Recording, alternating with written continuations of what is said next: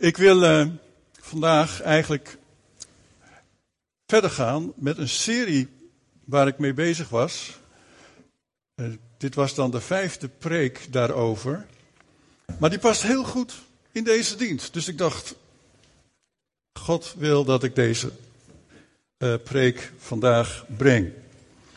Want ik heb een serie um, gepreekt over verbondenheid dat God ons heeft geschapen voor verbondenheid. Verbondenheid met Hem in de allereerste plaats. Adam en Eva, die wandelden in de hof, die leefden met God, die hadden communicatie met God. En God wilde alleen maar dat die verbondenheid versterkte. Nou, we weten dat het door de zonde heel veel verbroken is geworden. Ook veel van de verbondenheid met God. Maar God wilde ook dat ze onderling verbondenheid hadden. Wat, wat zij kenden God, Vader, Zoon en Heilige Geest. Wat een verbondenheid met elkaar, de drie ene God. Hij zag Adam alleen en toen zei hij, dat is niet goed. Hij heeft ook iemand nodig om hier op aarde mee verbonden te zijn. En daarom ook verbondenheid kennen wij ook in relaties, in huwelijkrelaties. Maar verbondenheid kennen we ook gewoon als kinderen van God onderling met elkaar. Verbondenheid kennen we gewoon ook eh, in de gemeente, in de kerk, met elkaar als het goed is. Dat we met God verbonden zijn. En een afspiegeling daarvan is dat we met elkaar verbonden zijn. Amen. We horen bij elkaar als christenen, als volgelingen van Jezus. Heel duidelijk. We zijn met elkaar verbonden per se, omdat God het zo bedacht heeft. En het in Hem en van Hem komt. Goed, ik heb um, een aantal onderwerpen al behandeld. Kunt u op, op, op internet trouwens vinden, op onze website. Maar ik heb um, gesproken over hoe versterk je nou, hoe groei je nou in verbondenheid naar God toe en ook naar elkaar toe. Dat is in de eerste plaats om te stoppen met jezelf naar beneden te halen. Heb je naaste lief als jezelf. Heel veel mensen die haten zichzelf. En daardoor kunnen ze, hebben ze moeite met liefde ontvangen. Dat ze zichzelf gewoon alleen maar negatief zien. Maar ook met, ze hebben ook moeite met liefde geven. Dus nummer 1 was Stop met jezelf naar beneden te halen, met jezelf te haten. Heb je naaste lief als jezelf. De tweede sleutel die ik gegeven had in een preek was waardering. God verlangt naar onze lofprijs. Waarom zingen wij zoveel liederen? Waarom doen we dat nou? Is dat nu gewoon omdat dat zo hoort in de kerk? Of is dat omdat wij God onze waardering over wie Hij is, hoe geweldig Hij is, willen uitzingen? Daardoor versterken wij, groeit onze relatie, onze verbondenheid met Hem. En omgekeerd zegt God de hele tijd tegen jou en mij: Ik hou van je. Jij bent bijzonder in mijn ogen. De derde sleutel waar we het over gehad hebben was over wees echt. Hoe, hoe versterk je nou, hoe groei je nou in verbondenheid met God, maar ook in verbondenheid met elkaar? Door je maskers af te zetten. En wij allemaal dragen maskers. Allemaal dragen we maskers. En ik heb daar het voorbeeld bij gehaald van de Samaritaanse vrouw. Een heleboel maskers had zij op. Maar de Heer Jezus vroeg of ze die wilde afzetten. En die prikte daar helemaal doorheen. Totdat haar echte hart bloot kwam te liggen. En als je in verbondenheid met God, maar ook met elkaar, ook in je huwelijk wil groeien, dan moeten die maskers af. Dan moet je echt zijn naar elkaar. En, vana en vanmorgen willen we het hebben over de vierde sleutel. En ik ga het nog niet helemaal vertellen wat die sleutel is. Daar komen we wel op. Maar ik wil het wel hebben even over hoeveel onzekerheid er in mensen zitten. Onzekerheid verbreekt en eigenlijk ondergraaft verbondenheid. Stel je voor dat je niet van elkaar op aan kan in je huwelijk. Dat je onzeker bent over je partner, over je echtgenoot. Dat zie je vaak dat je ook in je verkeringsperiode en in je verlovingsperiode daar eigenlijk aan werkt dat daar zekerheid komt over die ander. Dat is heel belangrijk. Want zekerheid, dat verbindt mensen aan elkaar. En dat is ook zo naar God toe. Kunnen wij, door hetgeen wij ontvangen hebben in ons hart van God, zeker zijn over Hem? Kunnen we dat? Mogen we dat? Mogen we zeker zijn over wie God is, hoe Hij ons ziet? Want dat verbindt ons aan Hem. Maar het verbindt ons ook aan elkaar. In de gemeente bijvoorbeeld verbindt het ons aan elkaar. En, en onzekerheid, dat is dan heel moeilijk om je daaraan over te geven. Maar zekerheid, daar wil je je graag aan overgeven. Wel, waar kunnen we zekerheid vinden? Als we de bron van zekerheid vanmorgen nou eens konden aanboren vanmorgen. De bron van alle zekerheid. Dat zou toch geweldig zijn? Wat zouden we dan een stabiele mensen zijn met elkaar, hè? Helemaal zeker van alles. Stabiele mensen, zekerheid, in echt, echte zekerheid ook verbonden met God. Omdat we zeker zijn over wie Hij is, wat Hij voor ons gedaan heeft. Zeker zijn over onze toekomst. Maar ook verbonden met elkaar. Omdat wij zeker zijn, ook van elkaar. Weten wat we aan elkaar hebben, hoe God ons bij elkaar heeft gebracht. En zekerheid brengt je door alle stormen van het leven heen. Want stormen komen er in het leven, of niet?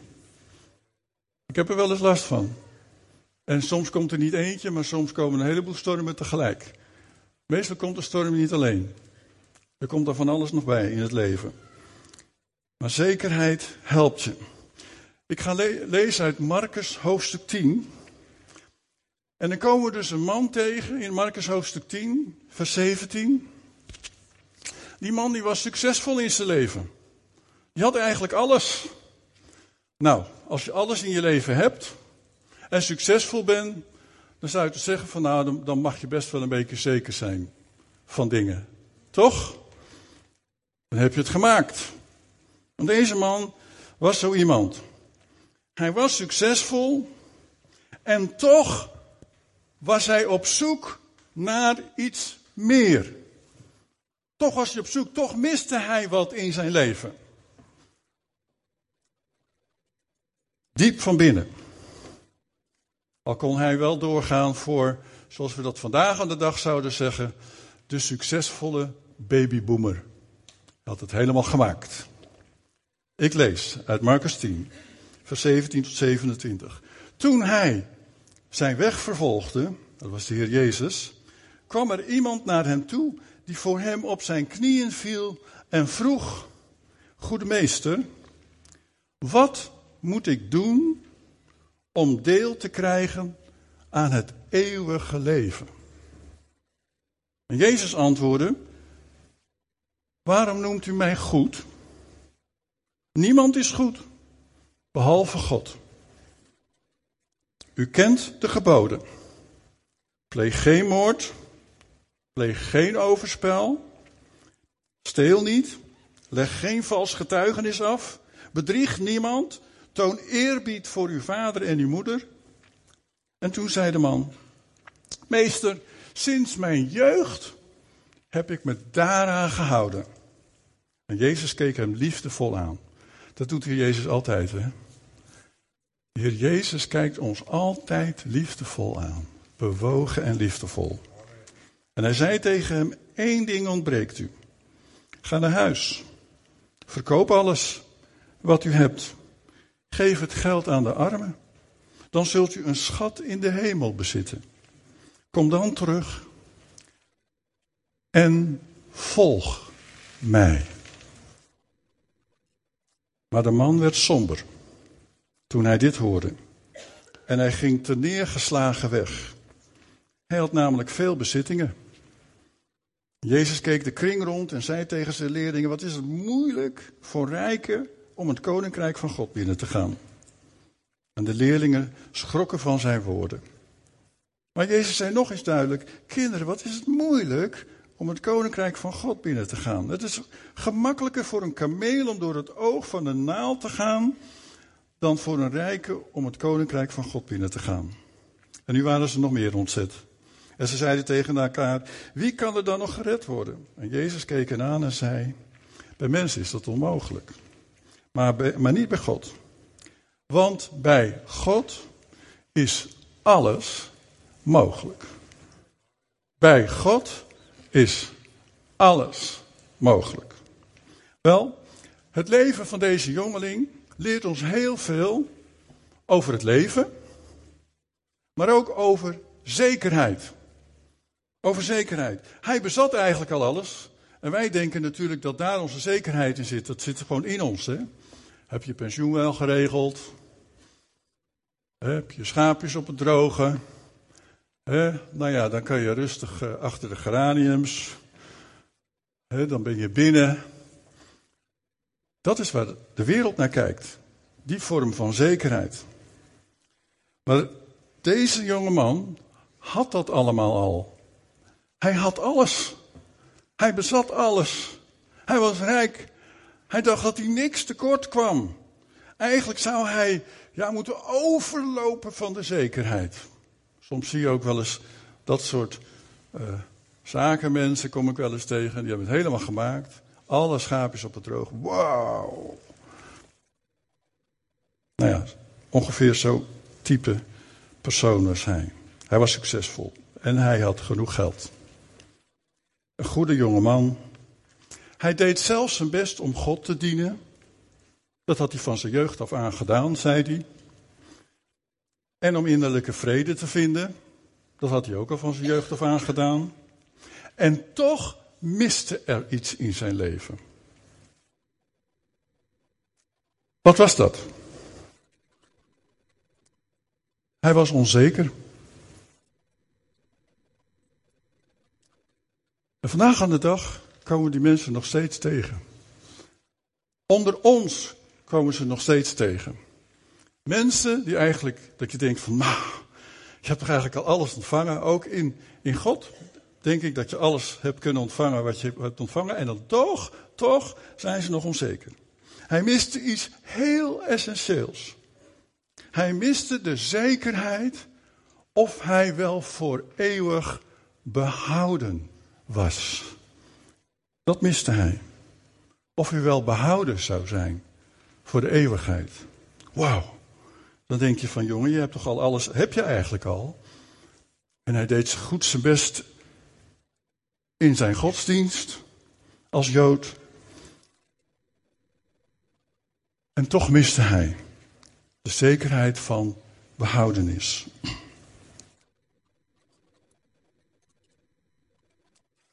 Wel, hoeveel, hoeveel dingen hebben we niet gehoord? Ik kan niet in uw leven kijken, ik kan niet in jouw leven kijken. Maar hoeveel dingen heb je niet gehoord, of misschien wel eens gelezen, die je onzeker maakten over God en over de dingen van God? Ja.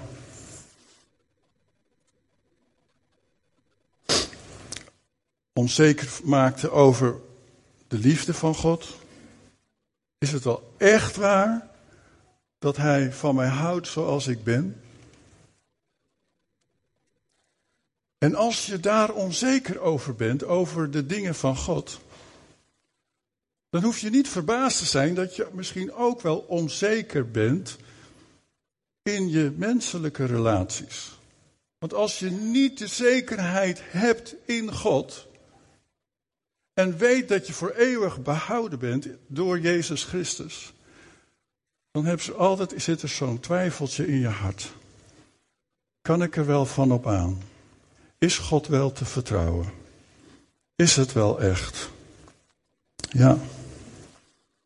Er is er maar één eigenlijk die wil dat je twijfelt. En dat is natuurlijk de boze.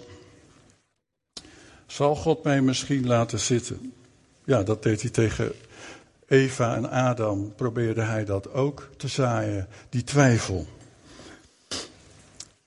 Doet God wel wat ik van hem hoop en verwacht, wat er van hem gezegd wordt? God wil niet dat mensen onzeker blijven over hem. God wil dat wij zeker zijn over Hem. Amen. Hij wil dat wij Hem leren kennen. Wie Hij is. Daarom zond God zijn Zoon Jezus Christus naar deze wereld. Omdat Hij zag die onzekerheid van de mens. De verlorenheid ook van de mens. En Hij zond de Heer Jezus Christus opdat door Jezus de relatie met de Vader hersteld zou worden en wij zeker zouden zijn van wie God de Vader, Jezus de Zoon en de Heilige Geest is.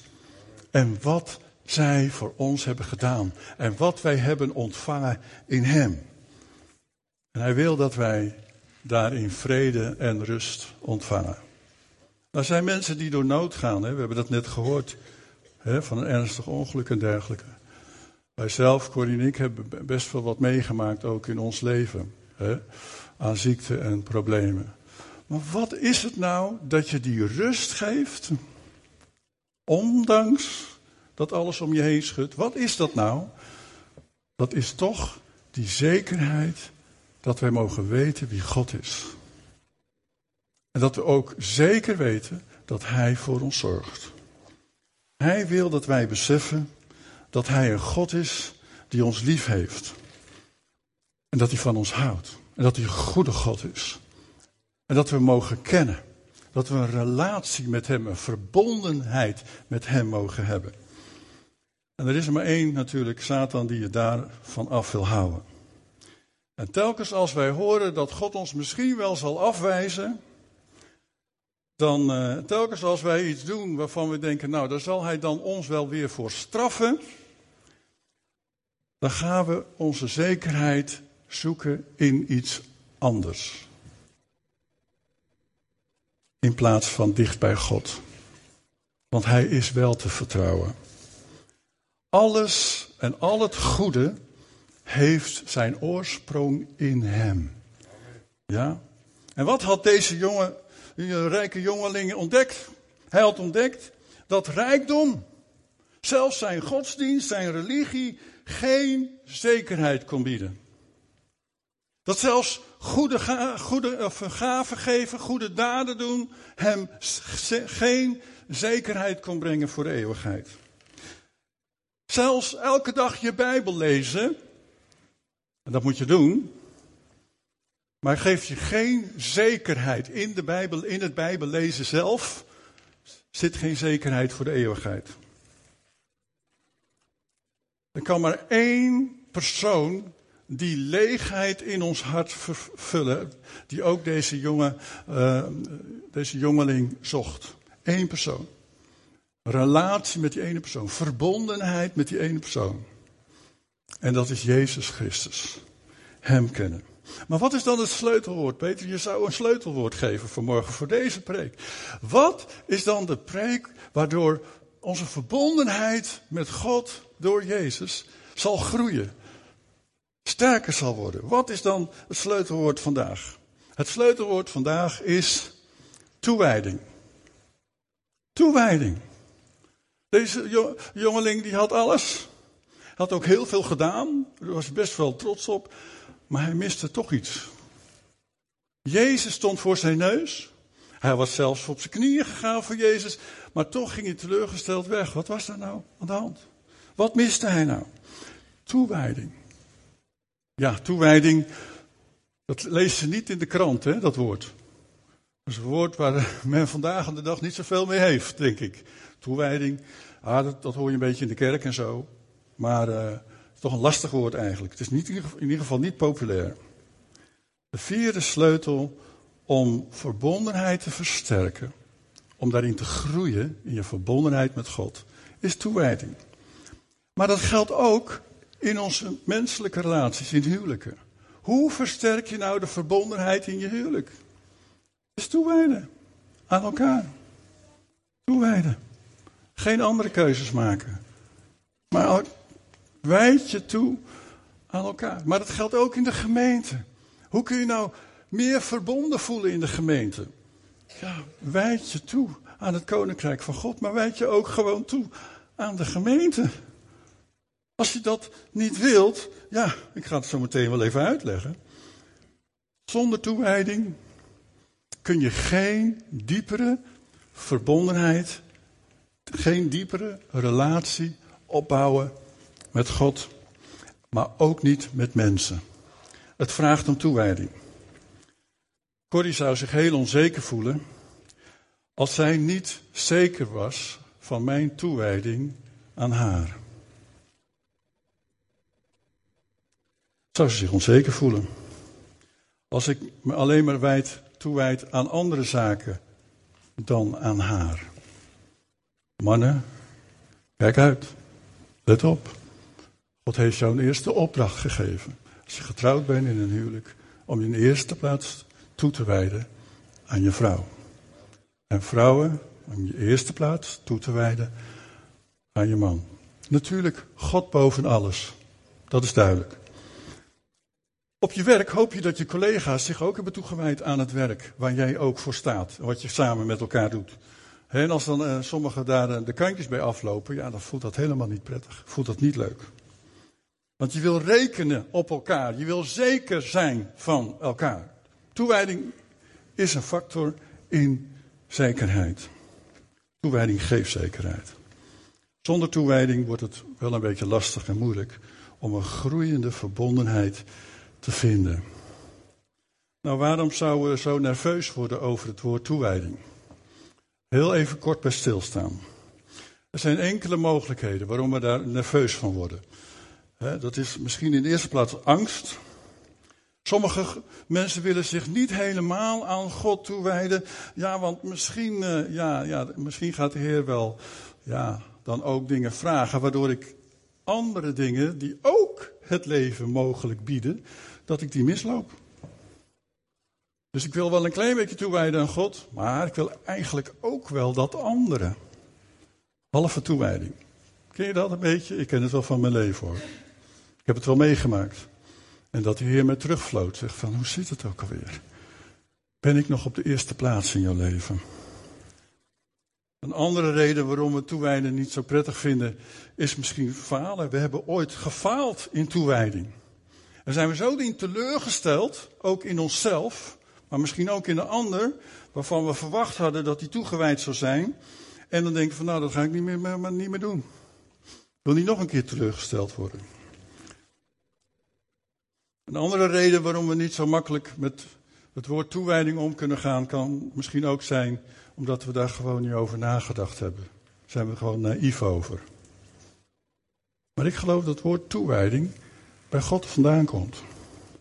Uit zijn hart. God heeft in zoveel dingen door Jezus ons voorgeleefd. Misschien uh, zijn ons ooit door andere mensen valse beloften gedaan die ze nooit hebben ingevuld. Of wij hebben valse beloften gedaan die we nooit hebben ingevuld. Misschien waren we als die rijke jongeling waarvan we net gelezen hebben. Of misschien is er gewoon geen verlangen in ons hart naar een diepere verbondenheid. En dat is heel verdrietig, want God heeft ons geschapen, heeft in ons geschapen, de noodzaak, het verlangen om verbonden te zijn met Hem, maar ook met elkaar. Daarom werd Eva voor Adam geschapen. Daarom was er het volk van God. Daarom was het de gemeente van de Heer Jezus Christus. Dat samen optrekken, verbonden zijn, komt bij God zelf vandaan. En God, die zegt vanmorgen tegen ons, ik ken jouw angst. Ik weet hoe je voelt. Maar mijn liefde voor jou, die wijd ik als eerste aan jou toe. Al was jij er alleen maar op deze wereld, had ik nog mijn zoon gegeven om voor jou te sterven. Daar was over bij stilstaan. Wauw, echt. Echt zou hij dat gedaan hebben? God was volledig toegewijd. Volledig toegewijd. De apostel Paulus schrijft het als volgt. Romeinen 5, vers 6 tot 8. Romeinen 5, vers 6 tot 8. Toen wij nog hulpeloos waren, is Christus, Jezus dus, immers voor ons, die op dat moment nog schuldig waren, we waren schuldig, buiten God, is Hij voor ons gestorven. Er is bijna niemand die voor een rechtvaardig mens wil sterven. Slechts een enkeling durft voor een goed mens zijn leven te geven. Maar God bewees ons zijn liefde doordat Christus voor ons gestorven is. Toen wij nog zondaars waren. Wij wilden niks van God weten. En toch stierf Christus voor ons. Zo groot was de liefde van God. Wel, als we daarin, daarin ook de enorme toewijding van God zien naar ons. En dat proberen te begrijpen, dan, dan zet dat je ook vrij om jezelf toe te wijden aan Hem. En vrede met God te ervaren. Zekerheid te ontvangen in Hem. Want daar was deze jongeman naar op zoek. Hij had alles, behalve zekerheid. En Jezus bood het hem aan. Hij ging teleurgesteld weg. Hij begreep het niet. Maar als wij ons toewijden aan Jezus, toewijden aan de Vader, God de Vader, dan bouwen we aan onze verbondenheid met Hem. Die groeit alleen maar. Elke keer weer. Daarom, ach, ik ben in mijn leven heel wat keren naar voren gegaan in een dienst en heb geknield. Om mij opnieuw toe te wijden. En nog een keertje. En nog een keertje. En dan kunnen sommige mensen zeggen van nou zeg, uh, was één keertje niet genoeg? Nee. Elke dag van mijn leven wil ik mijn leven toewijden aan de Heer. Omdat ik verlang naar een groeiende verbondenheid met God. Amen. Ik ben gered hoor. Zeker. Als je Jezus hebt aanvaard in je leven, dan ben je gered. Maar ik verlang naar meer. Ik verlang naar meer zoals deze jongeling ook naar meer verlangde. Psalm 37, vers 5. Leg je leven in de handen van de Heer. Wijd jezelf aan Hem toe. Vertrouw op Hem. En Hij zal dit voor je doen. Alles wat je nodig hebt, zal Hij voor je doen. 2 Timotheus 1, vers 12 zegt Paulus aan Timotheus. Daarom moet ik dit alles ondergaan. Maar ik schaam mij niet.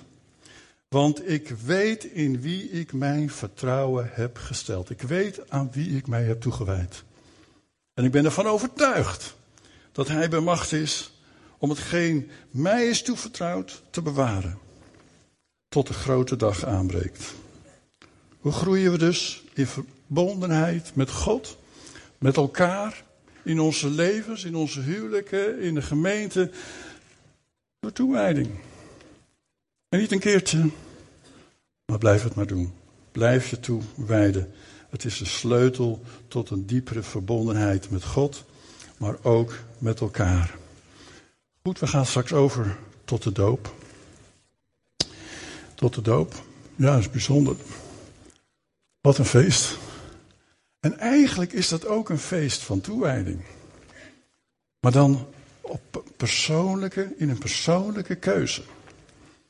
Een persoonlijke keuze.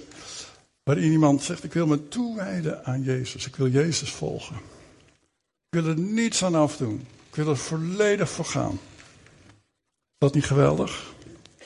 En als die persoon dan straks gedoopt wordt op grond van haar getuigenis. En ze staat op uit dat watergraf, want het is een beeld van het afleggen van je oude leven, je eigen leven, je eigen ik. Nou, die laten we erachter. Maar dan sta je op. En dan zegt de Bijbel, in Matthäus 3, dan zegt Johannes over Jezus, zegt van hij die na mij komt. Want Johannes, die doopte daar mensen bij de Jordaan. Hij zegt, hij die na mij komt, die zal je dopen met geest en met vuur. Dus na de doop gaan wij ook nog bidden voor een vernieuwde aanraking van de Heilige Geest. Amen. Amen. Ik geef het woord aan jou terug. En laten we ons voorbereiden op, deze, op dit prachtige feest met elkaar. En jij mag het even verder leiden. Ja, zal ik doen. Dankjewel, Peter. Ik wil vragen of de band nog even naar voren komt. En ik wil vragen aan Jaap. Uh, we zijn iets voor tijd, maar wil je tegen de kinderwerkers zeggen dat uh, wij zo meteen overgaan naar de doop? Dank je. En Ines, ik wil jou uh, naar voren vragen. Zometeen als de kinderen een beetje binnen zijn, dan mag ik je getuigenis komen geven samen met Sari en Hans. Oké, dus we wachten heel eventjes tot de kinderen een beetje binnengedruppeld zijn. Jullie spelen nog een, uh, een refrein, een kort lied. En uh, als de kinderen er zijn, dan Hans en Sari samen met Ines mogen jullie naar voren komen. Ines, dan mag je je getuigenis doen. Ja. Hallo allemaal. Uh, vandaag laat ik mij dopen als volwassene. Al enkele jaren bid ik hiervoor en denk ik hierover na. Als baby ben ik gedoopt in de hervormde kerk in Emst. Ik ben dankbaar dat mijn ouders mij al vanaf het eerste levensjaar aan God hebben toevertrouwd. Dat het symbool van het reinigende water op mijn voorhoofdje is gekomen. Mijn ouders en familie hebben mij als kind al geleerd en laten zien wie God is. Van mijn moeder leerde ik vooral dat ik overal voor mocht bidden. Op alle plekken en God overal in terug te zien. Vooral in de natuur. Ik ben op een boerderij opgegroeid en zag de kalfjes geboren worden. We leefden dicht bij de seizoenen. Mijn vader liet, liet me zien dat je geloof ook kunt leven en uitdragen. Dat het belangrijk is om er te zijn voor anderen en in de kerk actief te zijn. We hadden regelmatig gesprekken over het geloof met mijn ouders en ik kon ze alles vragen. Ze waren altijd open en eerlijk en durfden het ook te zeggen als ze het antwoord niet hadden. Ze deelden ook met ons hun eigen worstelingen rondom het geloof. Op zondagavond had ik vaak mooie gesprekken met mijn oma, die naast ons woonde. En ook het geloofsvertrouwen van mijn tante is een voorbeeld geweest. In de kerk hadden we bloeiend jeugdwerk, waar ik graag naartoe ging. We deden leuke dingen en ik leerde veel over de Bijbel. Ook op de basisschool was het fundament Jezus. Leerde ik liedjes, vierden we kerst en Pasen en hoorde ik veel verhalen. Op mijn achttiende heb ik met volle overtuiging beleidenis gedaan in de hervormde kerk in Emst. De Bijbeltekst die ik toen meekreeg was: Zoek je geluk bij de Heer, Hij zal je het verlangen van je hart geven. Wat een zegen dat ik in zo'n warm gelovig nest ben opgegroeid. Toen ik ouder werd, kwam ik onder andere door mijn werk en vrienden in andere kerken met een andere geloofsbeleving. Het verrijkte mijn kijk op God en mijn relatie met Hem. Ik ontdekte dat er meer manieren zijn om Hem te aanbidden en met Hem te wandelen. Het was niet altijd duidelijk wat God me wilde hebben. Ik zag wel dat Hij mij talenten had gegeven, maar ik wist niet precies waar en hoe ik die kon inzetten. Ook liepen dingen anders dan ik had gehoopt in relaties, in werk. En was er een periode in mijn leven dat ik me vaak alleen voelde en het plan niet begreep dat God voor mij voor ogen had. In die tijd herstelde God dingen in mijn hart en leerde Hij mij op Hem te wachten. Nu pas begrijp ik mijn beleidenistekst. Het ging niet om de dingen die ik dacht dat mij gelukkig maakten, maar God gaf me Zijn verlangen in mijn hart. Ik kan niet één moment aanwijzen van bekering. Mijn geloofsverhaal gaat over trouw. Trouw in mijn voorgeslachten, die Gods wil altijd gezocht hebben op hun eigen manier. Die hun kinderen over Jezus hebben verteld en meegenomen naar de kerk. Trouw van God, die me nooit losliet en me op allerlei manieren liet zien wie Hij was. En die trouw wil ik doorgeven aan iedereen om me heen en de generaties na ons. Bouwen aan Zijn koninkrijk. Heel lang was God vooral een vader voor mij en een schepper. Ik wist niet zo goed hoe ik met Jezus bezig kon zijn in mijn geloof. Pas toen besefte ik dat Hij wilde dat ik Hem alles gaf. Mijn plannen, mijn dromen, mijn tijd. Om Hem te volgen. En toen kwam Hij dichterbij. Ik zag Hem vooral op de donkere plekken en in gebroken mensenlevens. Ik leerde dingen, de dingen niet voor Hem te doen, maar met Hem, achter Hem aan. Nu, jaren later, is er in mij het verlangen ontstaan om net als Jezus mij als volwassene te laten dopen. Deze doop zie ik niet als een vervanging van mijn kinderdoop en ik noem het ook geen overdoop. Toen ik een baby was, kon ik zelf niet kiezen en kon ik ook niet mijn getuigenis geven. Ook vind ik het symbool van helemaal ondergedompeld te worden belangrijk, omdat de doop een watergraf is.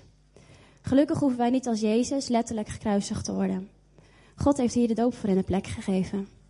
En het is een statement in de geestelijke wereld. Het heeft meer impact dan wij zien.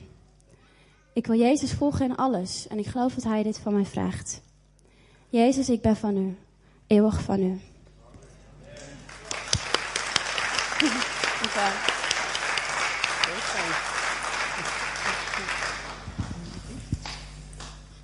Ines gaat nu ook nog een lied zingen wat ze zelf heeft gecomponeerd.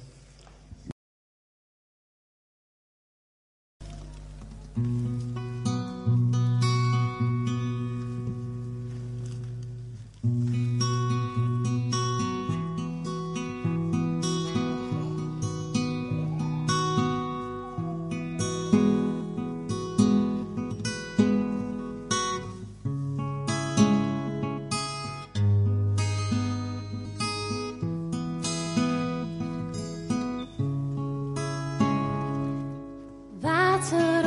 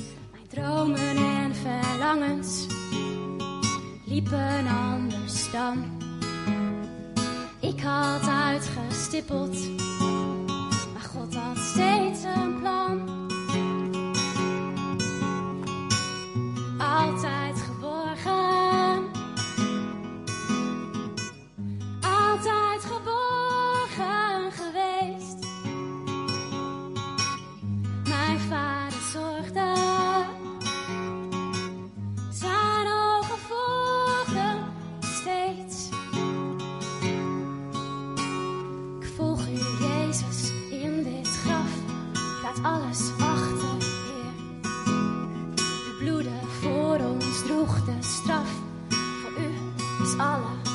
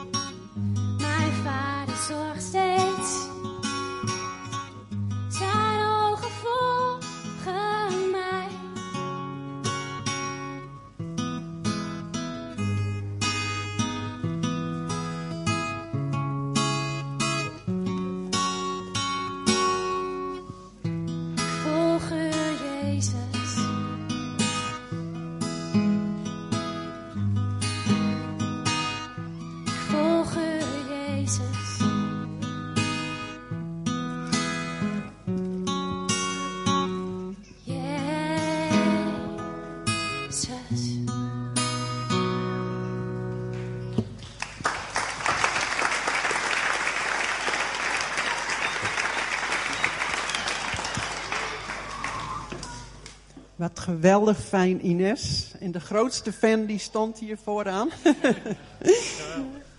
en Hans die eh, heeft nog een uh, dooptekst voor jou. Ja, ook ik vond het uh, geweldig fijn om Ines beter te leren kennen, ook door onze cursus. En wat mij vooral opviel was haar, echt haar passie voor de Heer Jezus. De passie om Hem te volgen, Hem te gehoorzamen, zich toe te wijden aan Hem. En zo ook te kiezen voor de doop. Geweldig fijn.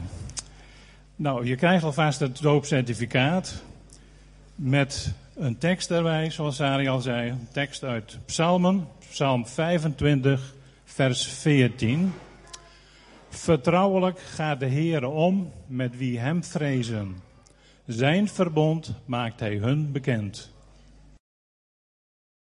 Als zometeen Ines gedoopt is, dan zal er ook gebeden worden voor de vervulling met de Heilige Geest. We geloven dat Ines al zeker gevuld is met de Heilige Geest. Maar nogmaals, we willen daar, haar mee zegenen.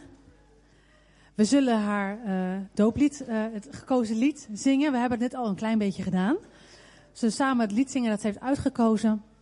En daarna zal er ook een moment zijn, als er mensen zijn die een bemoedigend woord of een profetisch woord hebben, de indruk hebben dat God iets wil zeggen. Voor een aantal is er ook ruimte om dat aan Ines te vertellen. Als er heel veel zijn, zullen we straks vragen of dat ook na de, na de doop zal kunnen. Maar goed, dan hebben jullie in ieder geval een idee hoe het zal gaan. Eerst gaat Ines het water in.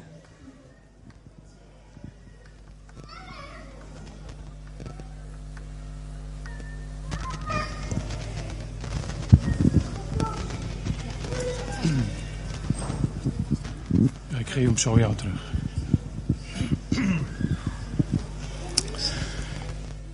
Helemaal klaar daarvoor? Ja. Dat dacht ik. Dan gaan we jou dopen. Hendrina Ines Kok van Triest.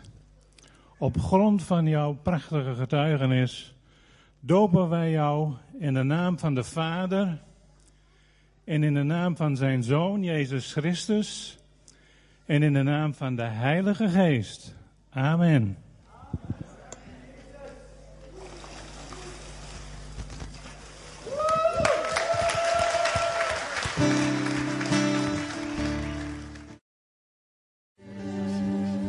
Amen.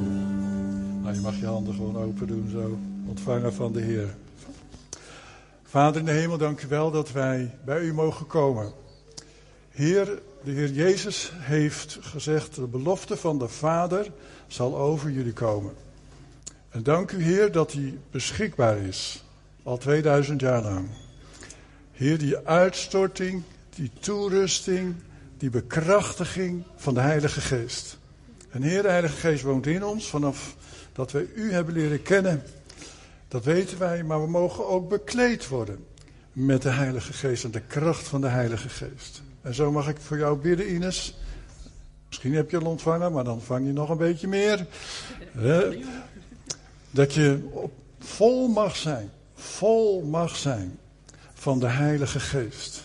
En ontvang een dubbel deel een dubbel deel van de Heilige Geest, van de kracht, de leiding van de Heilige Geest in je leven.